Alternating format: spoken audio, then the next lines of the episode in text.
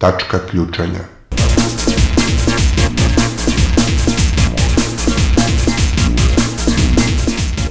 Podcast o protestima.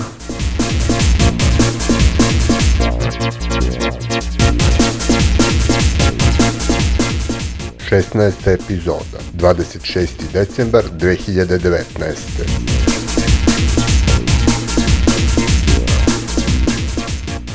Dobrodošli u poslednju epizodu Tačke ključanja u 2019. godini.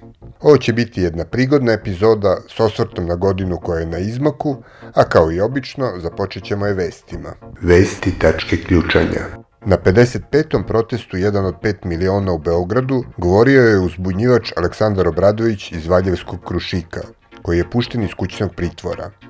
Njegov govor i izveštaj sa protesta moći ćete da čujete u nastavku ove epizode. Radnici Kliničkog centra Srbije održali su protest upozorenja zbog uslova rada, o čemu ćete u ovoj epizodi moći da čujete nešto više. Posle 78 dana kampovanja u Pionirskom parku, vojni veterani su održali protest ispred Skupštine, tražeći zadovoljavajuće zakonsko rešavanje svog statusa. I sa ovog događaja moći ćete da čujete detaljniji izveštaj u ovoj epizodi. Jedna lepa vest pred kraj godine. Združena akcija Krov nad glavom je 24. decembra u tri odvojene akcije odbranila od prinudnog iseljenja beogradske porodice Marković, Boroje i Krivokuća. U Kruševcu, Nišu i Užicu održani su skupovi podrške Mariji Lukić, koja je tužila predsjednika opštine Brus za seksualno zlostavljanje. Skupština opštine Knjaževac usvojila je odluku o moratorijumu na izgradnju mini hidroelektrana na teritoriji te opštine, a u Skupštinu opštine Užice stigla je inicijativa udruženja Užička odbrambena liga za raspisivanje referenduma o izgradnji mini hidroelektrana. Udruženje za zaštitu ustavnosti i zakonitosti održalo je u Beogradu protestni performans protiv nasilja i zlostavljanja u reality programima. Stanari Knjaževačke ulice u Nišu sprečili su početak radova na izgradnji podzemnih kontejnera na dečijem igralištu. Nova komunistička partija Jugoslavije i Savez komunističke omladine Jugoslavije organizovali su protest sa zahtevom da se Makedonskoj ulici u Beogradu vrati naziv Staljingradska. Tačka ključanja.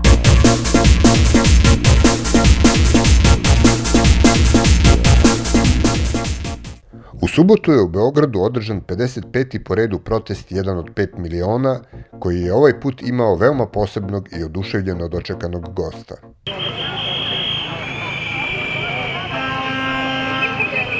Ovo je druga velika pobeda, oslobođen je rektorat i oslobođen je čovek koji će vam se sada obratiti, a to je Aleksandar Obradović.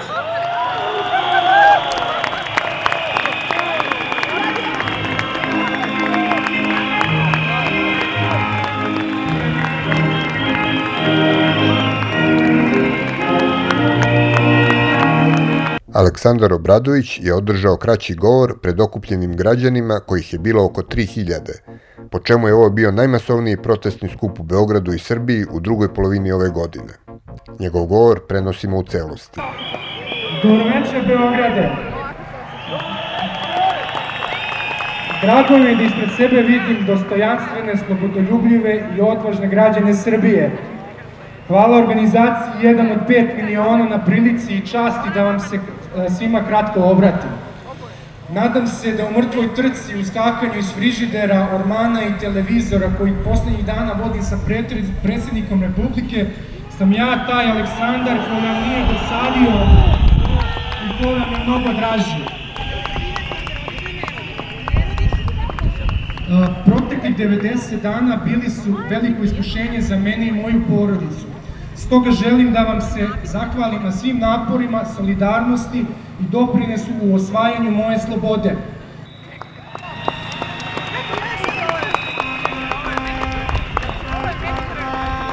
Veliko hvala građanima na podršci na 30.000 potpisa peticije. Zahvalna sam svim pokretima i organizacijama civilnog društva na svim aktivnostima. Ne želim da se odreknem niti za izostavim ni podršku političkih partija. Posebnu zahvalnost dugujem nezavisnim i hrabrim domaćim i stranim medijima što su na objektivan i profesionalan način izveštavali o aferi Krušik i bez kojih bi istina o poslovanju fabrike Krušik bila dugo zakopana.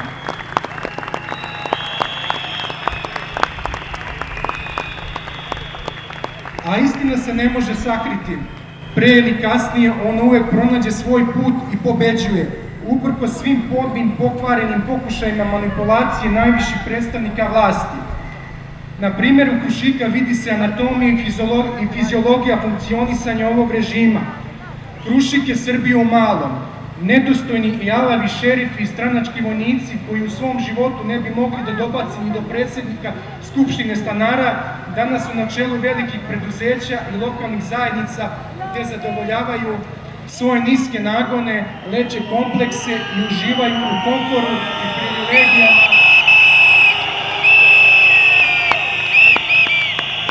Komforu i privilegijama svih građana. A većina građana, nesrećnih i nezadovoljnih lica, paralisana u strahu, u tišini, ignorišu stvarnost, uvereni u zaludnost borbe za svoje dostojanstvo.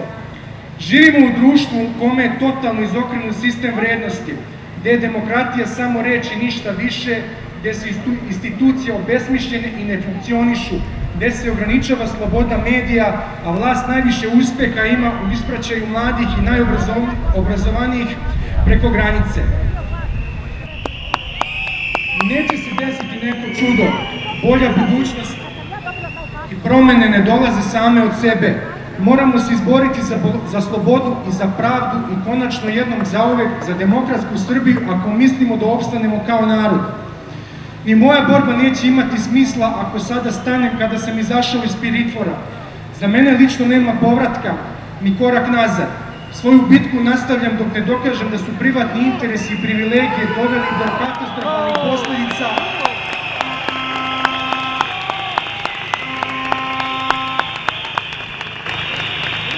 do katastrofalnih posledica po fabriku Krušik, ali i svih ostalih fabrika koje čine grupaciju odbranbene industrije Srbije.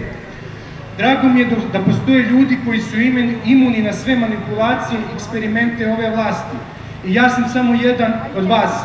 Oduprite se hrabro i odvažno. Uspećemo ako verujemo u pobedu. Posle Obradovićevog govora organizovana je protestna šetnja do zgrade predsjedništva, gde su organizatori istresli džakove s kopijama dokaznog materijala vezanog za afere o kojima predsjednik ćuti. Prilikom prolaska kolone pored zgrade RTS-a, studentkinja Valentina Reković iz organizacije 1 od 5 miliona dala je jedno javno obećanje čelnicima te medijske kuće. I to poručujemo glavnim i odgovornim urednicima Draganu Bujoševiću i Nenadu Lj. Stefanoviću. Oslobođen je univerzitet, oslobođen je Aleksandar Obradović, bit će oslobođen i RTS. Idemo do predsedništva. Tačka ključanja.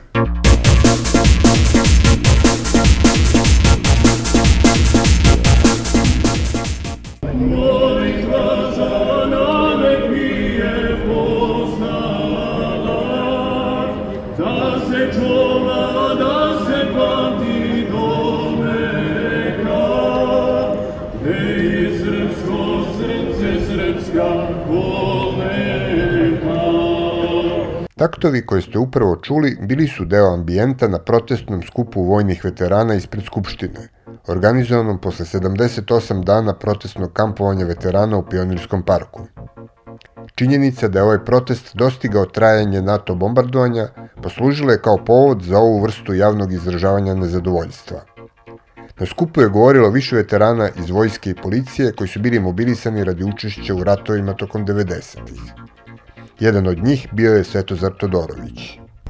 Nalazimo se 78 dana pod vedrim nebom, nevidljivi za javnost, a isto tako nevidljivi za vlast.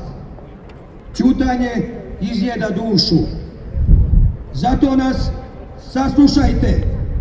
Mi veterani nismo načinili ni jedan sraman korak do dana današnjeg. Zbog čega nas se stidite? Naši životi počinju da se završavaju onoga dana kada počnemo da ćutimo o stvarima koje su važne za život. Zbog teškog položaja i obespravljenosti ratnih veterana zahtevamo da nas saslušate i shvatite ozbiljnost situacije. Za mikrofon ispred Skupštine izašao je i veteran Dragoljub Stošić. Omladino Srbije, braćo i sestre po oružju, pomaže Bog. Boreći se za svoja prava, tražeći od države iznad svega poštovanje. Tražeći zakon od pravima boraca, ratnih vojnih invalida i članova paloga borca. Kakav će biti po meri ljudskog dostojanstva, u kome će srpski veterani biti priznati i poštovani na jedan ljudski i dostojanstveni način, kakav priliči srpskim junacima. Jer su se isti odazvali pozivu otačbini onda kada je bilo najteže. Isti se borili za nju, dok je većina njih dala delove tela za majku Srbiju i postali ratni vojni invalidi. A većina nas, tu danas, živi smo jer nismo imali sreće da poginimo. 78 dana straha, 78 dana zebnje, kao i 78 dana nade da ćemo preživeti pakao koji nas je snašao. I danas narode Srbije, i danas draga braćo i sestre po oružju, mi smo 78 dana u parku sa nadom i verom da će neko iz vlasti čuti naš vapaj. Ali zato nas svevišnji i dragi Bog od ozgo vidi koliko nas je i mi smo pod njegovom komandom i voljom. Vojska Savezne Republike Jugoslavije povukla se sa Kosova i Metohije neporažena, sa celokupnom vojnom opremom i tehnikom, a ubrzo za njom je u srpskom egzodusu izbeglo 250.000 Srba i nealbanaca. To se ne sme zaboraviti, draga braćo i sestre. Zato, draga braćo i sestre po oružju, uzdignuta čela, sa ponosom, čojstvom i junačkim srcem, kako trajemo ovih 78 dana, istrajimo još 178, 278, iako treba i 378 dana. Do ispunjenja naših zahtjeva nema nazad. Nazad je Srbija. Živeli srpski ratni veterani, živela vojska Srbije, živela srpski narod, živela Srbija! Posle završetka programa ispred zgrade Skupštine, oko 320 okupljenih veterana i članova njihovih porodica krenulo je u protestnu šetnju kroz centar grada, nastojeći da svoj problem učine vidljivijim građanima prestonice. Tačka ključanja.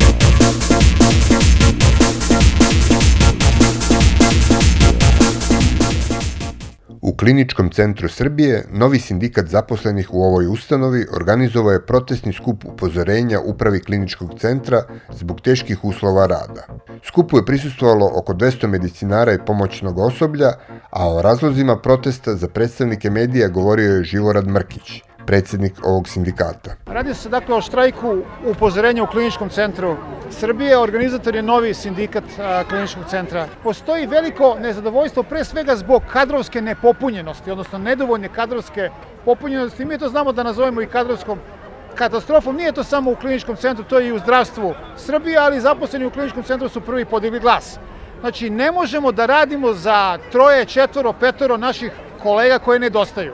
Ljudi su odlazili u Nemačku, odlazili su u privatan sektor, odlazili su u penziju, davali su otkaze u javnim zdravstvenim ustanovama, nije priman adekvatan broj novozaposlenih na njihovo mesto. I jednostavno to je dovelo do ovog ogorčenja zaposlenog kojim upravo prisustuje. Oni, od njih se zahteva da radi posao za dvoje ili troje ljudi koji nedostaju. To je nemoguće jer je to jednostavno a, tražimo od ljudi nadljudske stvari.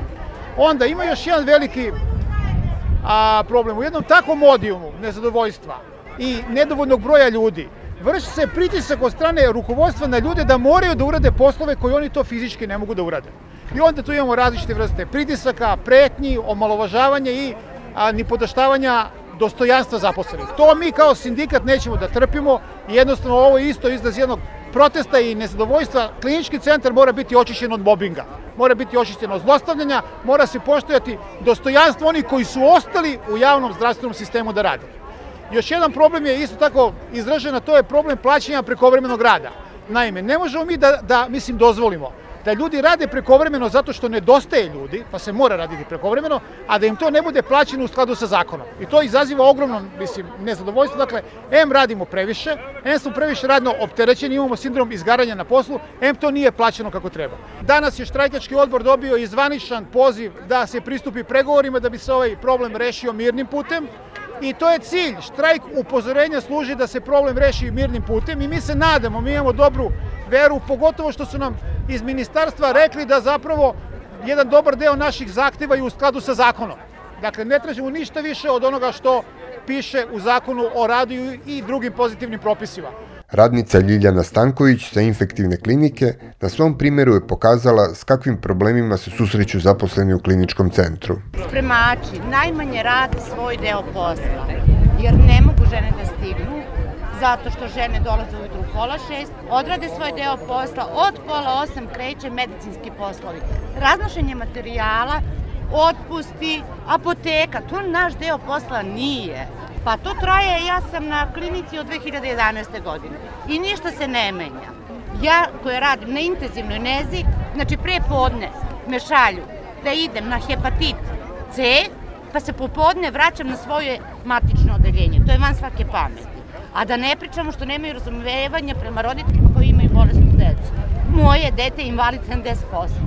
Ja sam samo tražila da mi izađu u susret da mogu da radim dan dan, da mi nije omogućeno. Zbog čega? Šta je problem? Neka se izjasni. Ja sam svesna da mojih kolega nema. Ali baš toliko da nas gaze, to je van svake pameti. Na kraju skupa Živorad Mrkić obratio se okupljenim članovima novog sindikata Kliničkog centra Srbije. Zašto smo danas došli ovde? Zbog muke i nevolje. I to trebaju ovi upravno izgradi da znaju. Došli smo ovde da kažemo ne više pritiscima, pretnjama i ucenama da mora nešto da se uradi što je nemoguće da se uradi jer vas nema dovoljno. Došli smo ovde da im kažemo da prekovremeni rad mora da se plati u skladu sa zakonom. Ne slobodni dani koje ne možete da iskoristite, nego onako kako zakon kaže, do zadnjeg dinara mora da bude plaćeno. Došli smo da im kažemo da ne mogu da dobijaju stimulacije novčane ljubimice i ljubimci. Nego vi koji najviše radite, vi. Dobili smo poziv na pregovore. Pozvali su nas zvanično na pregovore. U pregovorima će da vas zastupa štrajkački odbor. To su ljudi od poverenja.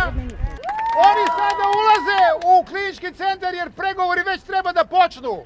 Samo da znate jedno, ovaj sindikat ne izdaje nikad. Od ovih zahteva nećemo da odstupimo. Tačka ključanja.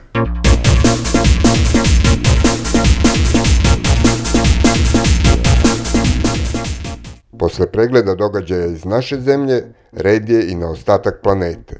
Evo šta se tamo dešavalo tokom prethodnih nedelju dana.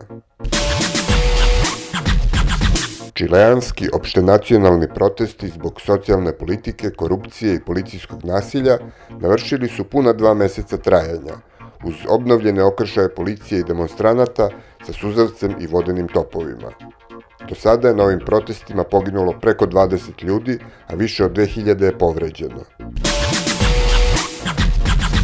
U velikim delovima Indije već dve nedelje traju masovni protesti protiv novog zakona o državljanstvu, za koji se smatra da izrazito diskriminiše oko 200 miliona stanovnika Indije muslimanske veroispovesti. Ovi protesti su do sada odneli već dvocifren broj žrtava.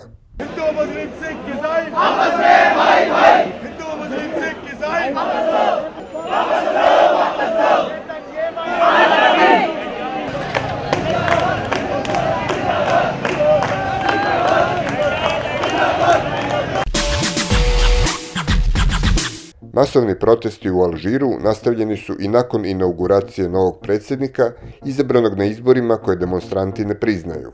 Prošle nedelje je bio 44. petak za redom kako Alžirci masovno izlaze na ulice zahtevajući promene u političkom sistemu. U Libanu je slična situacija. Nema naznaka smirivanja demonstracija, niti nakon što je predsednik države imenovao novog kandidata za premijera. Demonstranti umesto toga traže prelaznu vladu stručnjaka koja bi rešavala postojeću državnu krizu.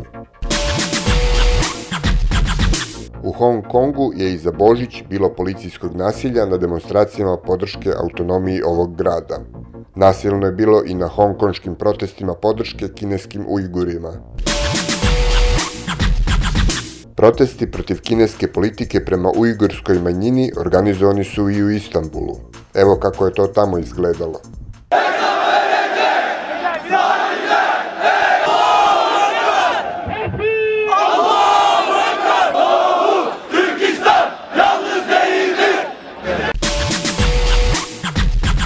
Štrajk železničara zbog reforme penzionog sistema paralisao je Francusku tokom božićnih praznika.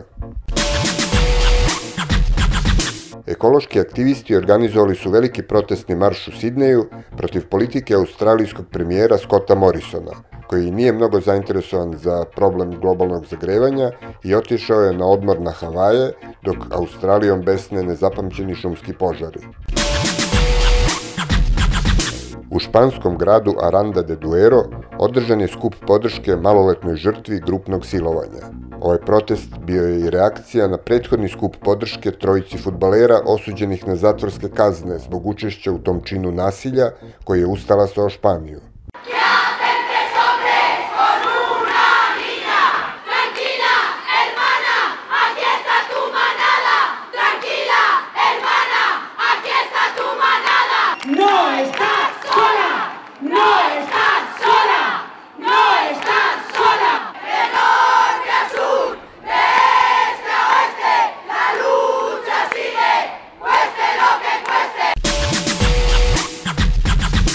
Hiljade vinogradara iz pokrajine Mendoza protestovalo je protiv podrške argentinske vlade rudarskim kompanijama, zbog čega je geološki ugroženo snabdevanje vodom za lokalne vinograde. Oko 80% argentinske proizvodnje vina dolazi iz Mendoze. U organizaciji Mitropolije Crnogorsko-Primorske, Srpske pravoslavne crkve, U Nikšiću je održan masovni protest vernika protiv najavljenog usvajanja novog zakona o slobodi veroispovesti. Skup je organizovan pod sloganom Muž je branič žene i deteta, narod branič crkve i plemena. Više stotina sveštenika i monaha iz ove mitropolije okupilo se i u Podgorici na protestu ispred Skupštine Crne Gore. U Skoplju je organizovan masovni protest protiv zagađenja vazduha, kome je prethodio ekološki štrajk srednjoškolaca. Gradonačelnik Skoplja dao je otkaz jednoj direktorki koja je pretila učenicima zbog učešća u ovom ekološkom protestu. Tačka ključanja.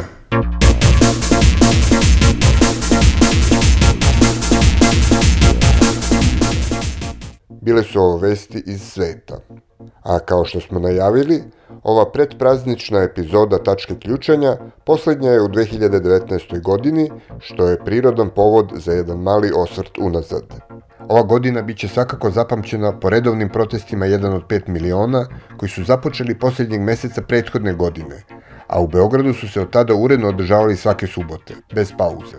No osim protesta 1 od 5 miliona, Ovu godinu su obeležili i brojni drugi protesti, inicijative i pokreti. Svakako najznačajniji fenomen te vrste koji je obeležio 2019. godinu jeste opštenarodni pokret i pobuna protiv izgradnje mini hidroelektrana s epicentrom na Staroj planini. Podsjetimo se kako su izgledala ova dramatična dešavanja, često na rubu incidenta između meštana i investitora – Pustite bre čoveka, ljudi! Pustite čoveka! Nema me guraš, bre! Sadi sa gradi! Nema me guraš! Šta ste? Zgodi si ti, šta hoćeš ti? Nema da uđeš to. Zato. da je to gradilište. Jeste. Nije mi smišno. A šta je to? Evo mi ćemo, ajde, ajde, ajde, ajde, pokidaj, ajde, ajde, ajde, pokidaj, ajde! Mi ćemo nastaviti u rakitu sa borbom dok gospodin ne ode odande. Oteto, prokleto, oteto, prokleto! Uocevi! Ua! Sve će to narod da naplati. Još jedan izuzetno značajan fenomen koji je uzeo maha u godini za nama predstavljale su brojne inicijative građana protiv stihijskog investitorskog urbanizma i za odbranu urbanih celina, posebno parkova i zelenila. Verovatno nijedne godine kao ove građani nisu toliko vremena proveli na javnim raspravama o urbanističkim i regulacionim planovima, boreći se protiv nakaradnih ideja koje im život pretvaraju u pakao. Naše namere su vrlo časne i poštene. Mi isključivo radimo sve vreme sa činjenicama, sa argumentima, nemamo apsolutno nikakve političke ambicije, niti bilo kakav lični interes. Već godinu dana pokušavamo da razgovaramo, da prodremo do njihove svesti i da im kažemo da se tako ne može raditi sa stanarima ovog naselja. Tako da kod njih čas ima tržnog centra, čas nema, čas nema investitora, čas ima.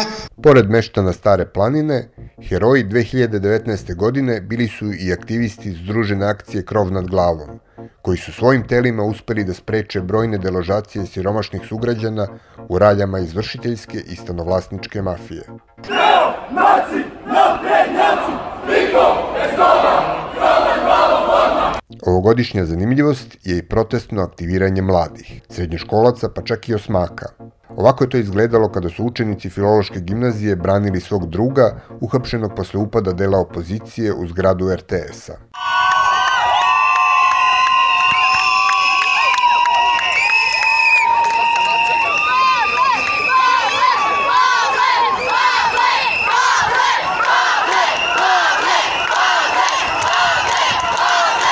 Što se tiče protesta 1 od 5 miliona, oni su uspeli da u kontinuitetu tokom cele godine opstanu samo u Beogradu, ali u prvom delu godine jedno vreme bili su organizovani i u desetinama drugih gradova širom cele Srbije. Svaki grad je bio priča za sebe, a evo kako je to, na primjer, izgledalo u Zaječaru.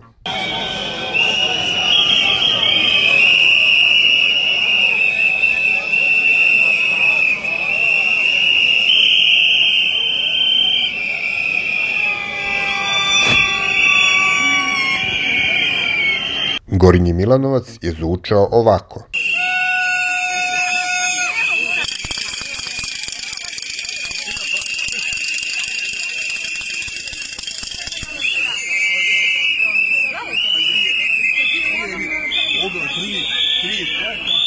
Knjaževac je imao i svog dobošara.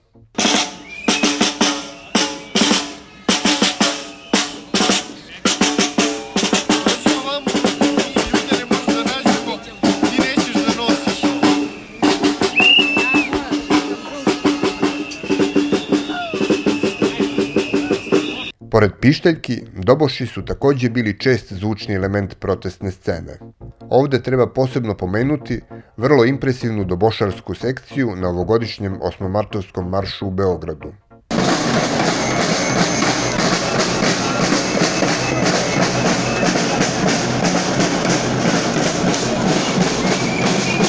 Mnogi protesti, pogotovo u većim mestima, imali su muziku sa razglasa kao neizostavni sastavni deo atmosfere na protestnim šetnjama. Ovo su dve verovatno najčešće pesme koje su se vrtele na protestnim playlistama.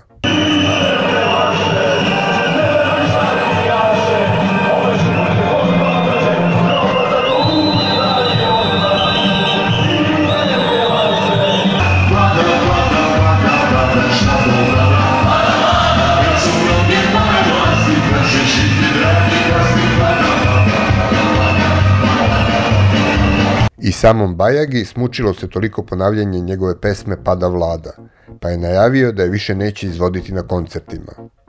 A početak najveće ovogodišnje protestne šetnje, one od 13. aprila, obeležila je ova pesma, epifanijski začinjena bakljadom u jednom zaista svečanom trenutku kulminacije protesta.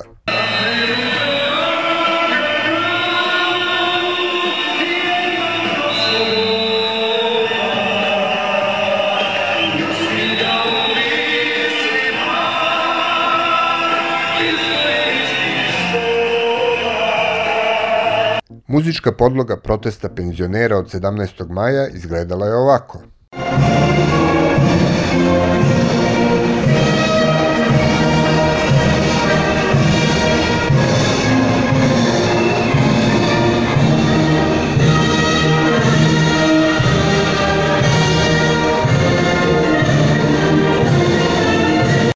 Ako bismo birali pesmu i grad između kojih je postojala najstrastvenija veza, izbor tačke ključanja pao bi na Pančevo i na pesmu grupe SARS Perspektiva. Od svega što smo tokom ove godine imali priliku da čujemo na snimcima sa raznih protesta, najveća euforija bi se dešavala kad Pančevci puste SARS. Svima nam je svima,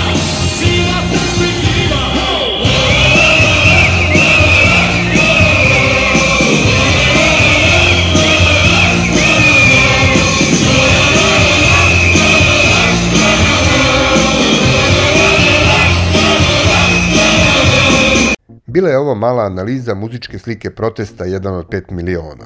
A sad da pređemo na govornike. Na ovim protestima izređali su se brojni govornici. Neki zanimljivi, neki baš i ne. Neki harizmatični, a neki mlaki. Tačka ključanja ovde donosi malu top listu najglasnijih govornika u Beogradu, gde se na trećem mestu nalazi Marko Bastać, predsjednik opštine Stari grad. Kaži nam gdje su ti slivnici na trgu Republike? Vesiću, zašto ti se već osušilo prvo drvo? Odmah da ti poručim Mladenoviću, nećeš ti više nikoga gurati. Nikada nas nećete zaustaviti. Vrlo ubedljivo drugo mesto po grlatosti drži student Miodrag Simović iz organizacije 1 od 5 miliona. Srbija se umiriti ne može! Jer još jednom se borimo protiv okupacije! Ljudi, ovo je okupacija! Nama veliki brat prodaje vrli novi svet! Samo kada idemo zajedno možemo da pobedimo ovo zlo koje je zarobilo Srbiju! Mi našu majku moramo osloboditi! Prvo mesto po glasnoći, svakako bez konkurencije, pripada glumcu Branislavu Lečiću, koji je tokom ovog leta kod terazijske česme izvodio brojne stilske vežbe dranja. Evo jedne male kompilacije opštih mesta iz Lečićevog grla. U ovoj zemlji mora da dođe vlast koja će se poštovati zahvaljujući svome delu i brizi o građanima. Sve što se radi mora biti transparentno, koliko se to finansira, kako će to završiti, uzimati procente, bogatiti se na čijoj grbači, na našoj, niko na to nema pravo. Građani će vratiti svoje dostojanstvo jer time vraćaju svoje vlasništvo. Živela Srbija, živeo Beograd! Tačka ključanja.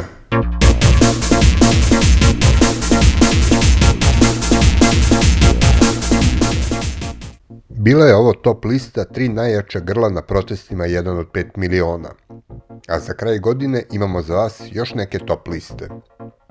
Prvo da vidimo koje su bile najpopularnije online peticije ove godine. Top 10 za 2019. godinu izgleda ovako.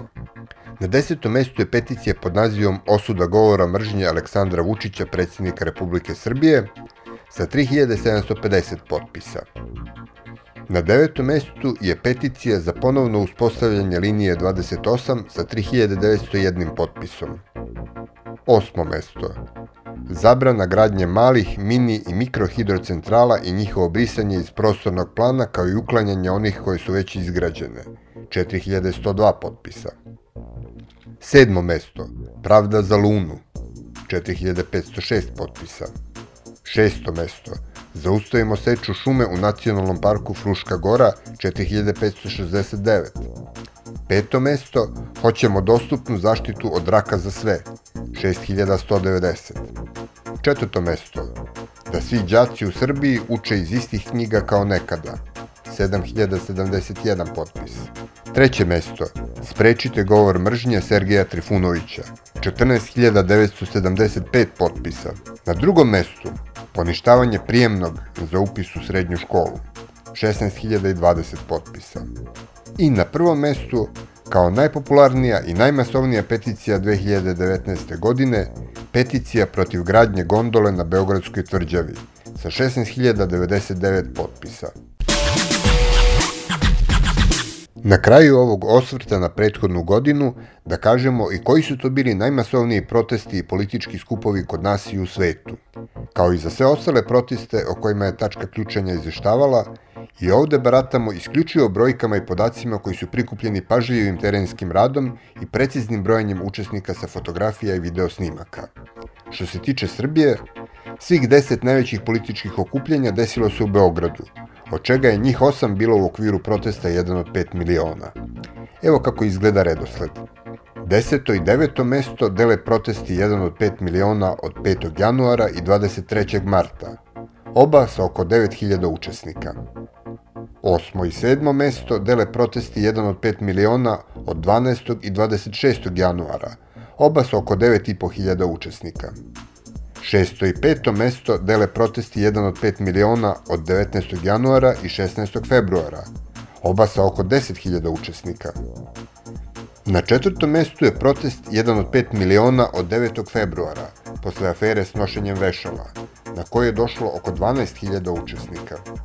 Treći najmasovniji skup ove godine bio je protest 1 od 5 miliona ispred Skupštine 13. aprila, koji je okupio negde oko 21 do 22 hiljade učesnika kao najveći ovogodišnji protest u Srbiji i na prostoru bivše Jugoslavije. Drugi najveći politički skup ove godine u Srbiji bio je miting Srpske napredne stranke pod nazivom Budućnost Srbije, održan u Beogradu 19. aprila, koji je ispred Skupštine okupio između 30 i 35 hiljada ljudi. I evo nas do mesta broj 1. Najveći politički skup u Srbiji ove godine i decenije bio je doček Vladimira Putina u Beogradu 17. januara, kome je prisustovalo između 35 i 40 hiljada ljudi.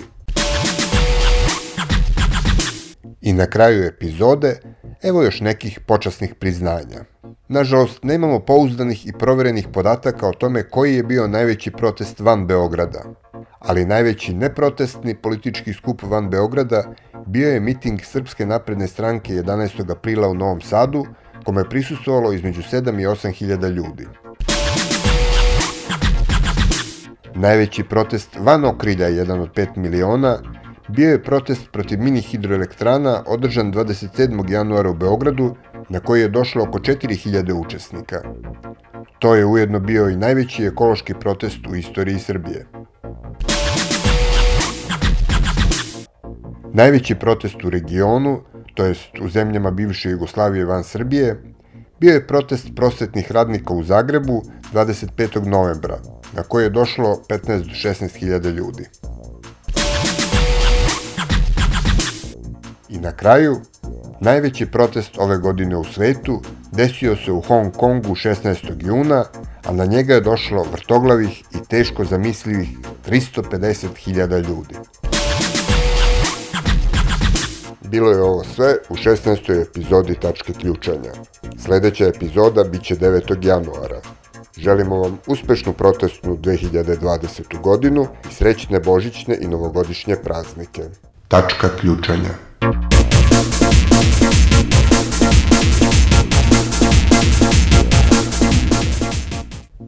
Tačka ključanja je autorski podcast koji je deo šireg programa Politika na ulici, a realizuje se uz podršku građanskih inicijativa. Programska koncepcija Aleksandar Gubaš i Ilir Gaši. Urednik i voditelj Aleksandar Gubaš.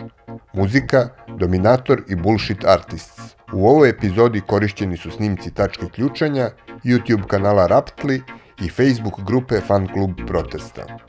Kontakt tacka kljucanja et gradijanski.org i 063 8927 467.